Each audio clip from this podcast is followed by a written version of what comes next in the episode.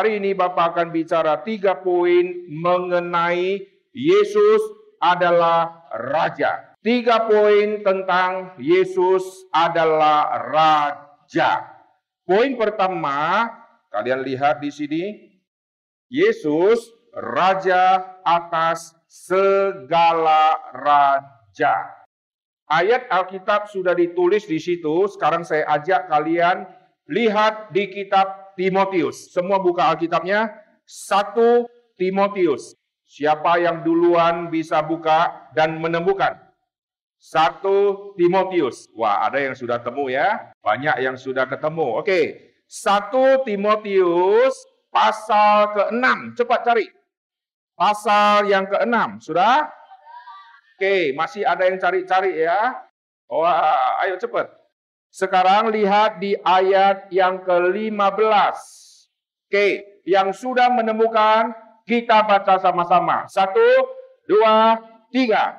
Yaitu saat yang akan ditentukan oleh penguasa yang satu-satunya dan yang penuh bahagia. Raja di atas segala raja Tuhan di atas segala Tuhan. Oke, sekarang tutup Alkitabnya.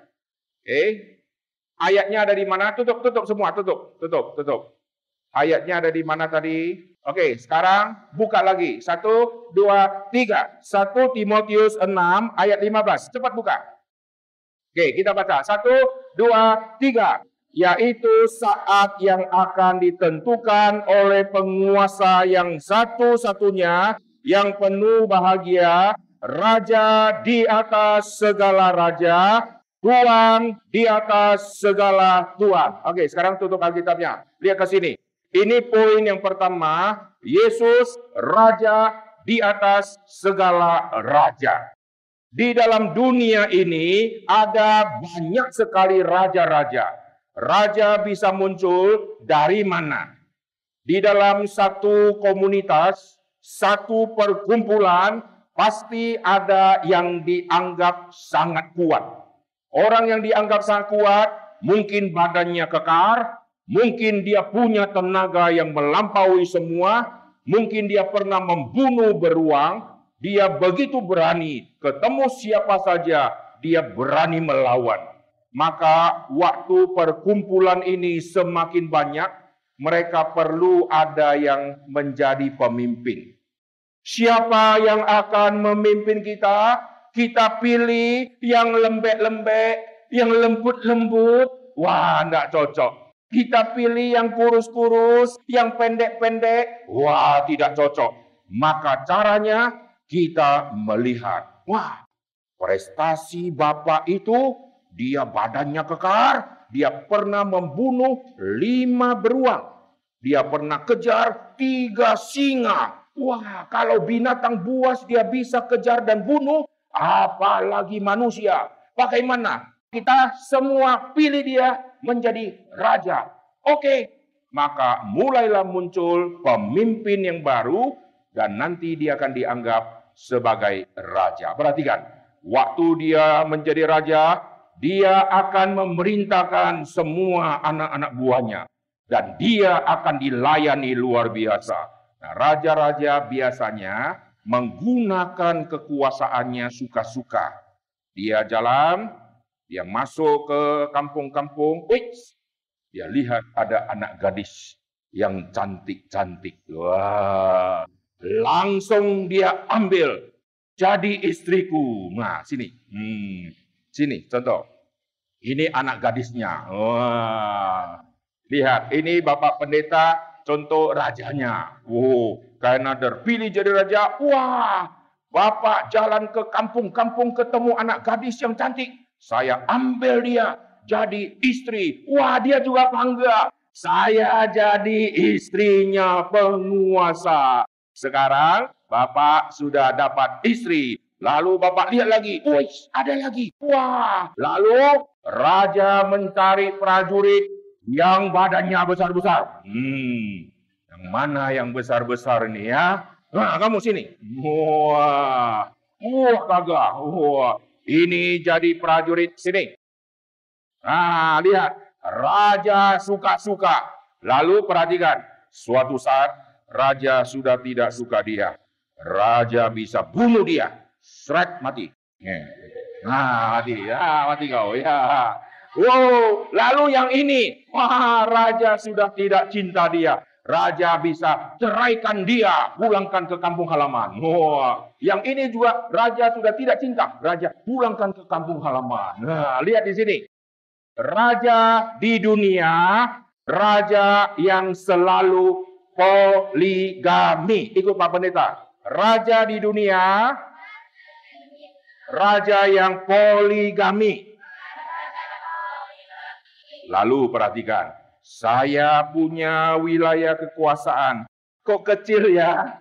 Wih, di sana, lihat di sana. Wow, tumbuhan begitu banyak. Buah-buah begitu banyak. Mari kita taklukkan tanah sana. Di sana katanya ada raja yang tinggi besar, yang kepalanya besar, yang tangannya besar, dan dia punya pedang sangat besar. Mari kita jempur. Perhatikan, raja akan membawa prajurit-prajurit pergi berperang, lalu mengalahkan musuh, bunuh, lalu dia kuasai wilayah sana. Lalu dia perang lagi, dia dapat wilayah lagi, dapat lagi, dapat lagi, dapat lagi.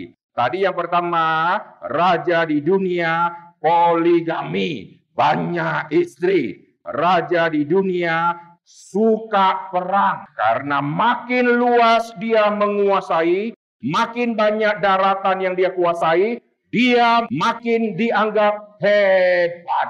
Maka dia akan siapkan prajurit yang lebih banyak lagi untuk menggempur wilayah yang lebih besar lagi. Perhatikan, suatu saat raja ini nanti mempunyai saingan. Lihat ya, saingannya siapa? Ada prajurit di samping hmm, yang selalu mendampingi si raja. Dia mikir-mikir, enak juga jadi raja. Saya juga mau jadi raja. Tapi caranya bagaimana? Aku akan membunuh raja ini. Maka dia pakai cara dia cari teman-teman sini, hmm, dua orang sini. Nah, sini. Sekarang Pak Pendeta jadi prajurit yang mau jadi raja ya. Untuk membunuh, Bapak perlu teman-teman. Lalu kita bisik-bisik. Oh, Bapak punya teman baik nih ya. Nanti kalau kita bunuh raja itu, nanti saya jadi raja. Kamu jadi wakil raja. Kamu saya angkat menjadi kepala panglima. Wah, mau tidak? Mau? Tos, tos. Wah, sih, kita bunuh raja itu besok. Siap? Jangan kasih tahu orang. Nah, duduk. Jangan kasih tahu teman-temanmu ya. Nah, kita akan bunuh raja. Perhatikan. Apa yang terjadi? Nanti besoknya raja itu akan saya bunuh. Dan waktu raja itu mati, sekarang saya potong kepalanya, saya pegang kepalanya. Hei semua orang yang di bawah kekuasaan raja ini. Lihatlah, raja yang kamu anggap hebat. Sekarang ada di tangan saya. Kepalanya sudah saya penggal. Mulai hari ini, sayalah raja pengganti. Perhatikan ya. Untuk menjadi raja yang baru, saya harus membunuh raja yang lama. Jelas? Lalu semua harta-harta raja dan istana raja sekarang menjadi milikku. Wah, lalu saya lihat, wah, di sana ada tanah yang lebih luas lagi. Mari kita perang lagi. Ingat, raja suka perang. Raja suka cari wilayah yang baru. Lalu dia jalan. Wah, dia ketemu lagi cewek-cewek cantik. Dia ambil jadi istrinya. Lalu istri-istri yang bekas raja pertama. Wah dia sudah tidak suka. Ah, apa ini? Semua jelek-jelek. Pulang, pulang, pulang, pulang. Nah, dia tarik lagi yang baru. Perhatikan ya. Jadi ciri-ciri raja adalah raja selalu melakukan dosa. Raja selalu egois, raja selalu sombong, raja selalu kira dia yang paling hebat dan raja banyak musuhnya. Lalu perhatikan, seandainya ya Pak prajurit ini sekarang sudah jadi raja. Tidak ada yang berani membunuh. Berarti saya tetap raja. Oh, saya sudah 35 tahun jadi raja. Tetapi umur saya semakin tua. Perhatikan. saya semakin tua dan saya harus mati. Orang lain tidak membunuh saya, tapi umur tua saya yang akan membunuh saya. Akhirnya waktu saya sudah sekarat, posisi raja ini akan turun ke anak sendiri. Nah, perhatikan, raja mau mati. Nah, contoh, kamu sini. Nah, sini. Ini anak raja. Hmm. Ini raja yang sudah mau mati. Lihat ya. Gitu ya, udah mau mati nih ya. Anakku. Kau jawab dong. Iya raja. Coba. Ya Raja. Oh yang keras dong. Iya raja. Ya Raja. Saya sudah mau mati. Kamu yang menggantikan saya ya. Ya Raja. Bilang, siap raja. Siap Raja. Wah, kau jangan takut siapa pun ya. Siap? Siap. Mati. Hmm. Rajanya mati. Sekarang dia jadi raja. Oh, dia lebih jahat dari raja sebelumnya. Terima kasih. Nah, inilah kehidupan raja. Yesus, raja segala raja. Ups. Kalau begitu, Yesus poligami, Yesus lihat ada wanita-wanita cantik, dia ambil jadi istri. Yesus lihat Petrus, wow badannya kekar, sini jadi rasul. Hmm. Yohanes, wah hebat kali, wow badannya kayak begini, wah sini jadi rasul gitu. Matius, wah badannya, wah six pack, wah sini sini sini jadi rasul gitu. Tidak, Yesus memanggil orang sederhana. Yesus memanggil nelayan. Nelayan tidak ada yang kekar-kekar. Yang ada gosong-gosong karena kena jemur. Lalu pemungut cukai. Mungkin sering duduk kolesterol dia. Mungkin perutnya buncit sedikit. Mungkin. Oh semua yang tidak cocok. Jadi tentara. Yesus pilih menjadi rasul. Yesus melihat manusia. Kau cantik. Tetapi kau punya suami ada lima.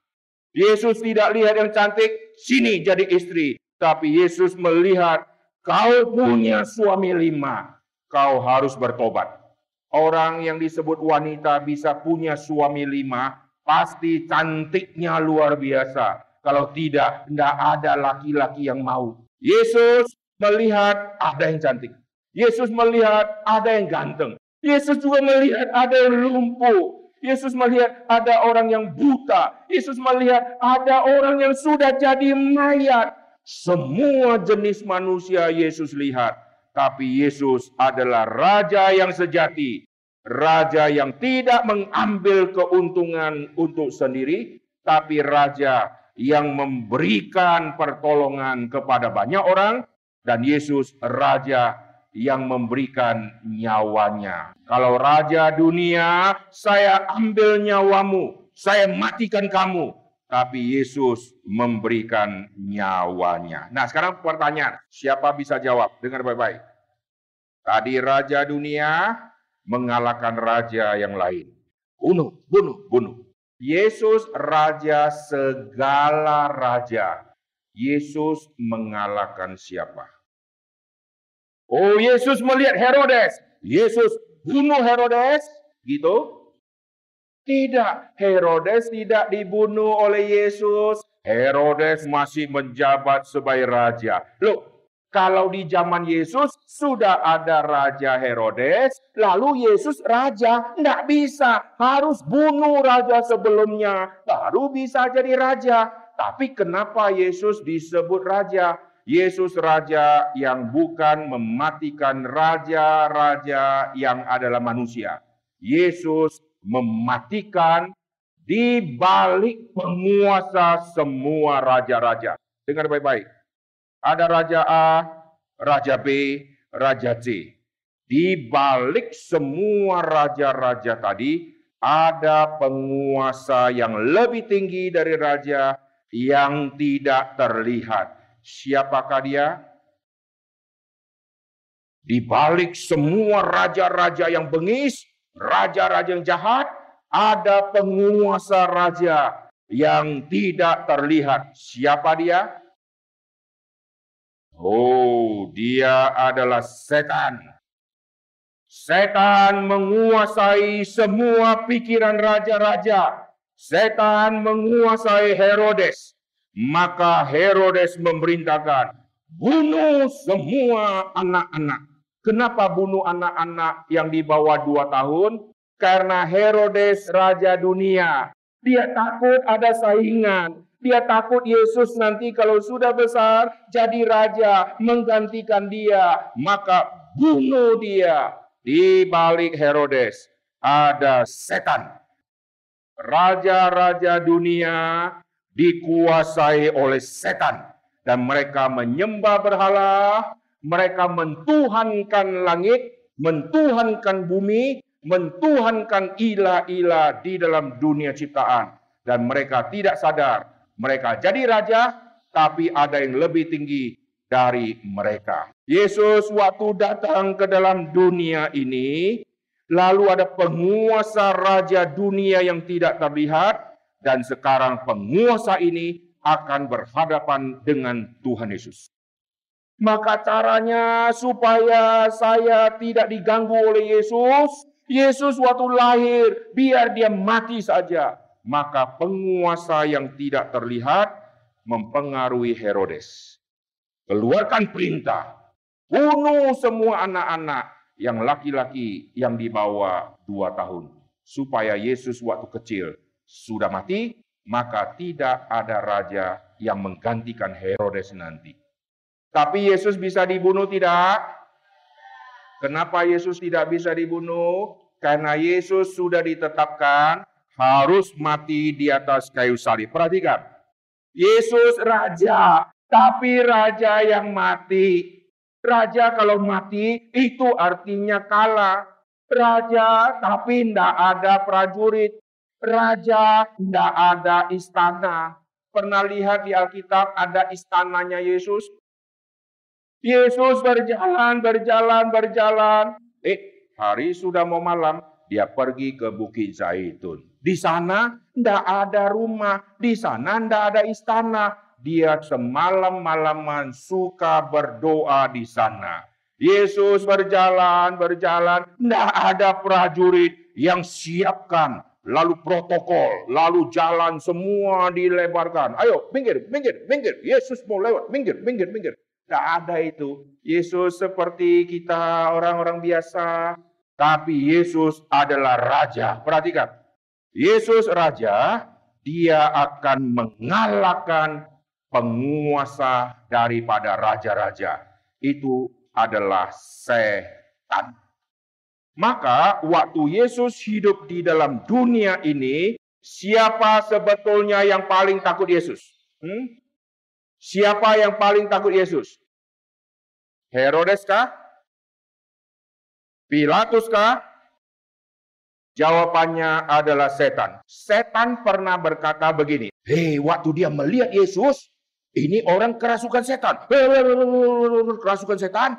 Dia waktu melihat Yesus, dia kaget luar biasa. Apakah engkau datang hendak membinasakan kami?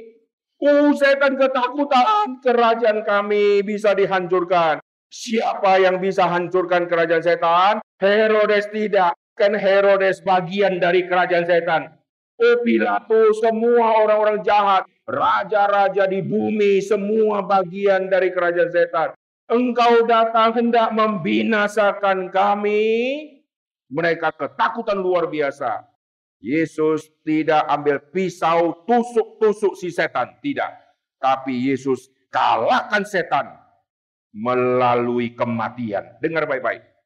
Yesus raja di atas segala raja, dia mengalahkan setan dengan kematian. Kenapa? Karena kematian itu bicara kerajaan maut. Maut kok ada kerajaan? Siapakah raja di dalam kerajaan maut? Itu adalah setan yang menguasai semua itu. Maka setan ingin semua ditaklukkan oleh dia masuk di dalam kerajaan maut. Dan Yesus akhirnya mati, masuk di dalam kerajaan maut. Yesus mengalahkan maut dengan Yesus bangkit. Semua kita pasti mati toh. Kamu akan mati atau tidak? Ah, semua mati ya. Waktu kita mati, kita akan dikubur. Kita masuk di dalam maut. Tetapi siapakah yang bisa lepaskan kita dari maut itu? Orang itu harus alami maut, lalu bangkit dari kematian. Itu namanya menang. Semua ikut Pak Pendeta. Hai maut, di manakah sengatmu? Lihat di sini. Maut, ikut. Maut telah ditelan dalam kemenangan. Maut telah ditelan. Nah ini menarik. Di Indonesia ada suku tertentu yang kalau mereka perang melawan suku lain, maka pemimpin-pemimpin suku kalau berhasil membunuh pemimpin yang lain, dia akan makan dagingnya. Lihat di sini. Contoh, sini. Nah. Ini pemimpin suku. Ini pemimpin suku yang hebat. Lalu kita perang. Waktu perang, saya berhasil membunuh pemimpin suku, maka untuk menyatakan saya sudah menang, maka saya akan makan dia. Sehingga dagingnya masuk ke dalam perut saya, itu artinya saya telan dia. Alkitab katakan, maut telah ditelan dalam kemenangan. Hai maut, di manakah sengatmu? Sampai hari ini, di Indonesia di pedalaman, masih ada rangka-rangka tengkorak-tengkorak yang tubuhnya sudah tidak ada, yang sudah dimakan oleh musuh yang mengalahkan dia. Terima kasih ya. Ada lagi yang sudah dibunuh, ini kepalanya ada tengkorak, ini dilobangi, dipecahkan, lalu otaknya disedot, dimakan seluruh otaknya untuk menyatakan apa? Saya sudah menang. Saya sudah dapat semua kekuasaan dia dan otak dia sekarang sudah ada di perutku dan aku raja yang tidak bisa lagi dikalahkan. Nah, lihat di sini ya. Yesus adalah raja yang Yesus bunuh bukan Herodes. Yesus tidak bunuh Raja Agripa, tidak bunuh semua raja-raja di dunia. Yang Yesus lakukan adalah apa? Menghancurkan kerajaan setan, menghancurkan kepala si setan. Oke? Kalian pernah lihat ular? Ular kalau panjang begini, yang paling ngeri ekornya atau badannya atau kepalanya. Oh, ekornya bisa gini-gini. Oh, perutnya bisa buncit. Tapi kepalanya ini yang paling mengerikan. Kalau kepala ular sudah kita potong, badan masih goyang-goyang toh? Masih goyang-goyang. Bahaya tidak? Tidak. Dia goyang-goyang. Tapi kepalanya sudah tidak ada. Inilah setan zaman sekarang. Setan zaman sekarang kepalanya sudah dihancurkan karena Yesus sudah mati dan bangkit. Yang ada hanya tubuh yang goyang-goyang, ekor yang goyang-goyang. Kekuatan dia hanya goyang-goyang dan kacau-kacaukan orang. Tapi kekuatan untuk mematuk itu sudah tidak ada. Karena Yesus sudah remukkan kepala setan. Oleh sebab itu, Yesus disebut Raja segala raja. Karena penguasa alam maut sudah Yesus kalahkan. Amin. Yesus tidak membunuh Raja A, Raja B, Raja C. Tidak. Tapi yang tidak terlihat. Yang menguasai semua raja-raja jahat. Itulah yang dihancurkan oleh Yesus. Oke. Sekarang lihat poin kedua. Konsentrasi ya. Poin pertama apa tadi? Yesus raja segala raja. Sekarang lihat poin kedua. Cepat buka ayat kitabnya. 1 Timotius. Nah, ayo tempat yang tadi. 1 Timotius. Lihat pasal 1. Cepat. Ayat 17. Siapa duluan? Oke, kita baca. Satu, dua, tiga. Hormat dan kemuliaan sampai selama-lamanya bagi Raja segala zaman. Nah, lihat di sini. Poin pertama apa?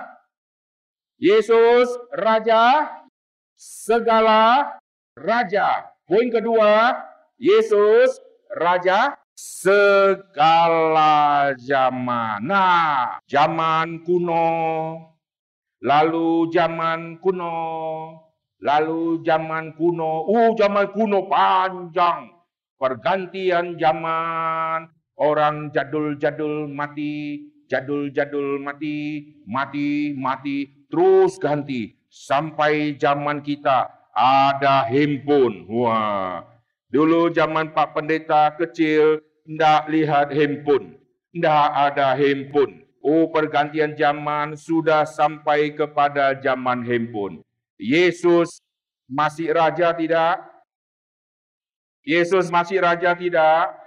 Atau Yesus raja di dalam zaman PB karena di zaman itu dia hidup, dia cocok di raja sana saja. Lalu zaman itu sudah berubah, kita sekarang zamannya sudah canggih. Yesus masih raja tidak?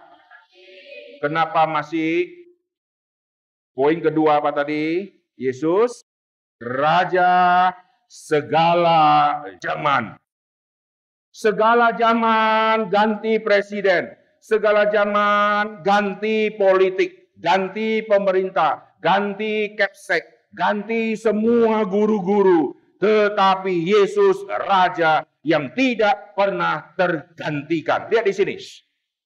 Kenapa seorang raja tidak bisa digantikan? Perhatikan ya. Alasan pertama, tidak ada yang bisa membunuh raja itu.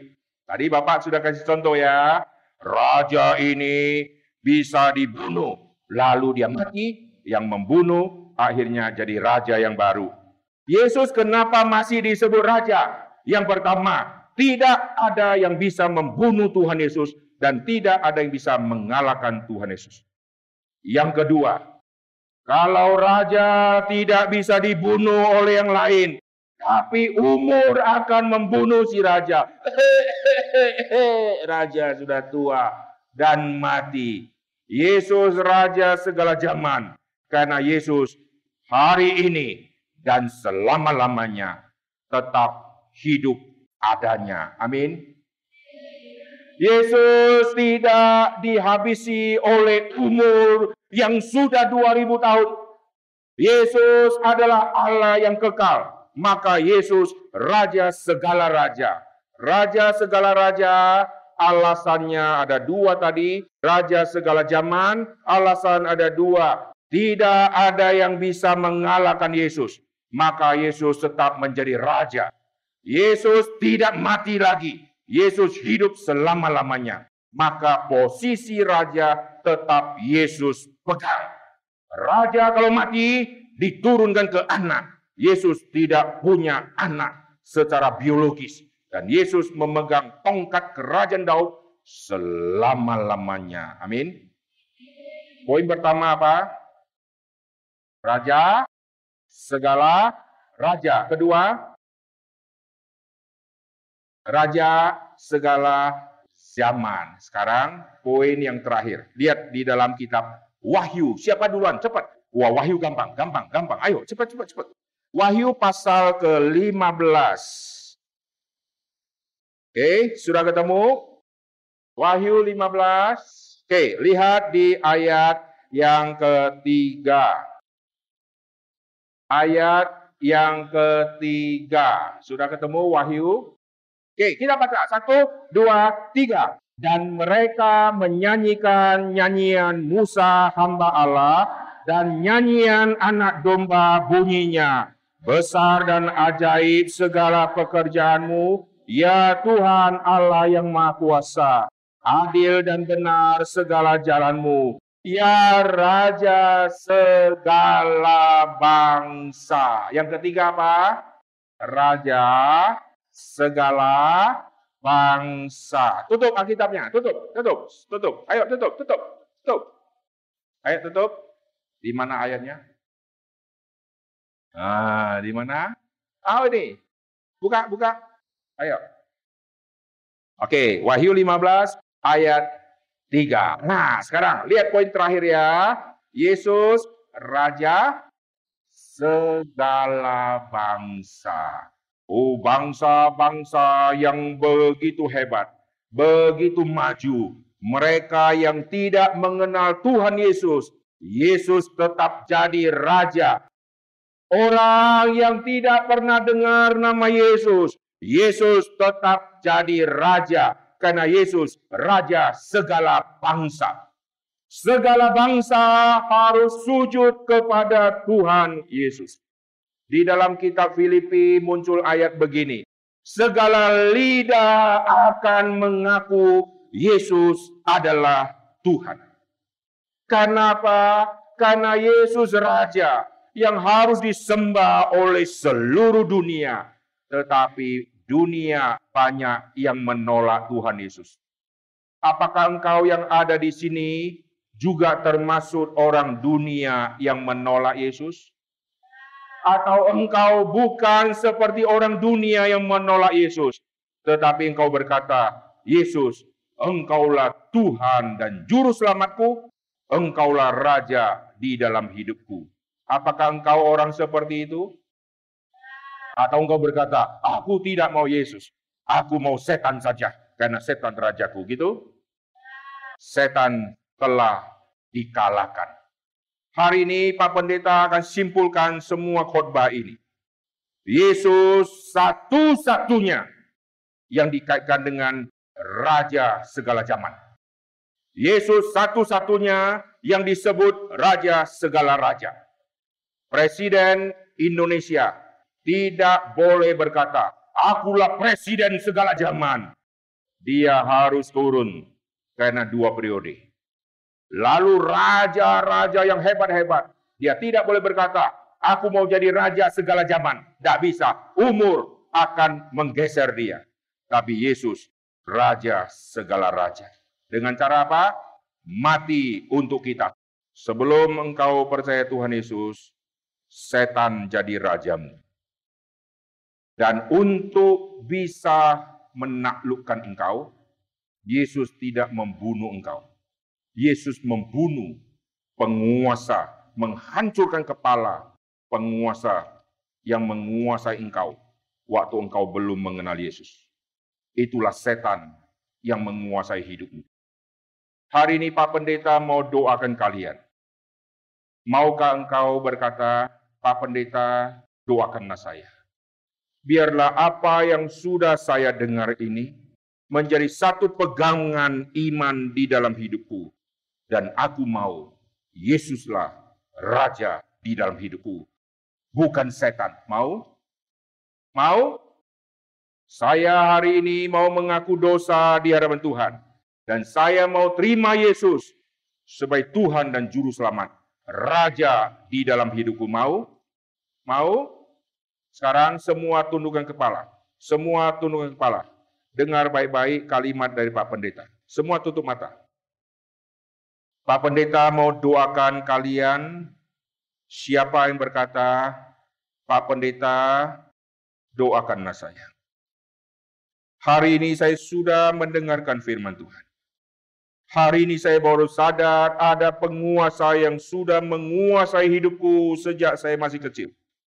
Dan sampai hari ini, saya masih dikuasai oleh penguasa gelap itu, sehingga saya susah menerima firman Tuhan, sehingga saya susah untuk melangkah menjadi orang Kristen yang sejati, karena saya masih merajakan penguasa itu di dalam hidup saya. Tapi hari ini, saya mau sungguh-sungguh menerima Yesus, yang adalah Raja yang sejati, yang menghancurkan kepala si setan, dan hari ini saya mau sungguh-sungguh menerima Tuhan Yesus sebagai Tuhan dan Juru Selamatku, Raja segala raja, Raja segala zaman, Raja segala bangsa. Dialah Yesus Kristus Tuhan. Siapa yang berkata, Pak Pendeta doakanlah saya. Saya mau menerima Tuhan Yesus pada hari ini. Sehingga hidup saya adalah milik Kristus, bukan lagi milik setan. Yang mau didoakan, mau terima Yesus. Sekarang angkat tanganmu tinggi-tinggi. Saya akan doakan kau. Puji Tuhan. Tutup mata, tidak boleh lihat, tidak ikut-ikutan. Tutup mata, tangan diturunkan. Siapa yang dari hatimu yang sungguh-sungguh engkau berkata, Pak Pendeta doakanlah saya, saya mau terima Tuhan Yesus. Yesus ampunilah dosaku, Yesus terimalah aku, Yesus jadikanlah saya anak-anak Allah yang mencintai, yang mencintai Tuhan, dan menjadi orang Kristen yang sungguh-sungguh setia sampai aku mati, tidak menyangkal Tuhan Yesus. Siapa berkata, Pak Pendeta, doakanlah saya. Saya mau terima Yesus. Yang mau terima Yesus sebagai Tuhan dan Juru Selamat. Sekarang angkat tanganmu tinggi-tinggi. Puji Tuhan. Puji Tuhan, tidak boleh ikut-ikut ya. Dari hatimu yang paling dalam. Sekarang angkat tanganmu tinggi-tinggi yang mau didoakan. Puji Tuhan. Puji Tuhan. Sekarang semua tangan diturunkan. Dengar pertanyaan Pak Pendeta yang terakhir. Tutup mata semua. Tidak ada yang ikut-ikut ya. Siapa berkata, Pak Pendeta, doakanlah saya. Meskipun saya masih kecil, banyak ayat Alkitab yang saya tidak tahu. Saya buka Alkitab saja, tidak tahu lokasinya. Tetapi kalau Tuhan mau pakai saya kelak jadi hamba Tuhan, saya setelah lulus dari SD, saya akan masuk ke SMP, saya akan masuk ke SMA. Setelah lulus dari SMA, jikalau Tuhan mau pakai saya jadi hamba Tuhan, saya mau sekolah Alkitab, saya mau jadi pendeta, saya mau jadi hamba Tuhan, saya mau jadi penginjil. Seumur hidup saya akan aku serahkan untuk Tuhan pakai. Untuk mewartakan siapakah Tuhan Yesus yang sejati. Untuk pergi ke bangsa-bangsa. Untuk menyatakan Raja segala bangsa adalah Tuhan Yesus. Untuk mewartakan berita sukacita kemenangan karena Kristus sudah mati. Kristus sudah bangkit. Kristus sudah menang. Siapa yang berkata, Pak Pendeta, doakanlah saya. Jikalau saya besar nanti, saya mau jadi hamba Tuhan. Saya mau sekolah Alkitab, saya mau melayani Tuhan seumur hidup saya. Yang mau jadi hamba Tuhan, Pak Pendeta akan doakan. Yang mau, sekarang angkat tanganmu tinggi-tinggi. Bapak akan doakan engkau. Puji Tuhan. Puji Tuhan, jadi hamba Tuhan ini sangat susah. Engkau mungkin akan dibunuh. Engkau mungkin akan dikucilkan. Tapi engkau berkata, Pak Pendeta, doakanlah saya. Saya mau jadi hamba Tuhan. Yang mau sekarang angkat tanganmu tinggi-tinggi. Puji Tuhan, puji Tuhan. Sekarang tangan diturunkan, ikut Pak Pendeta berdoa.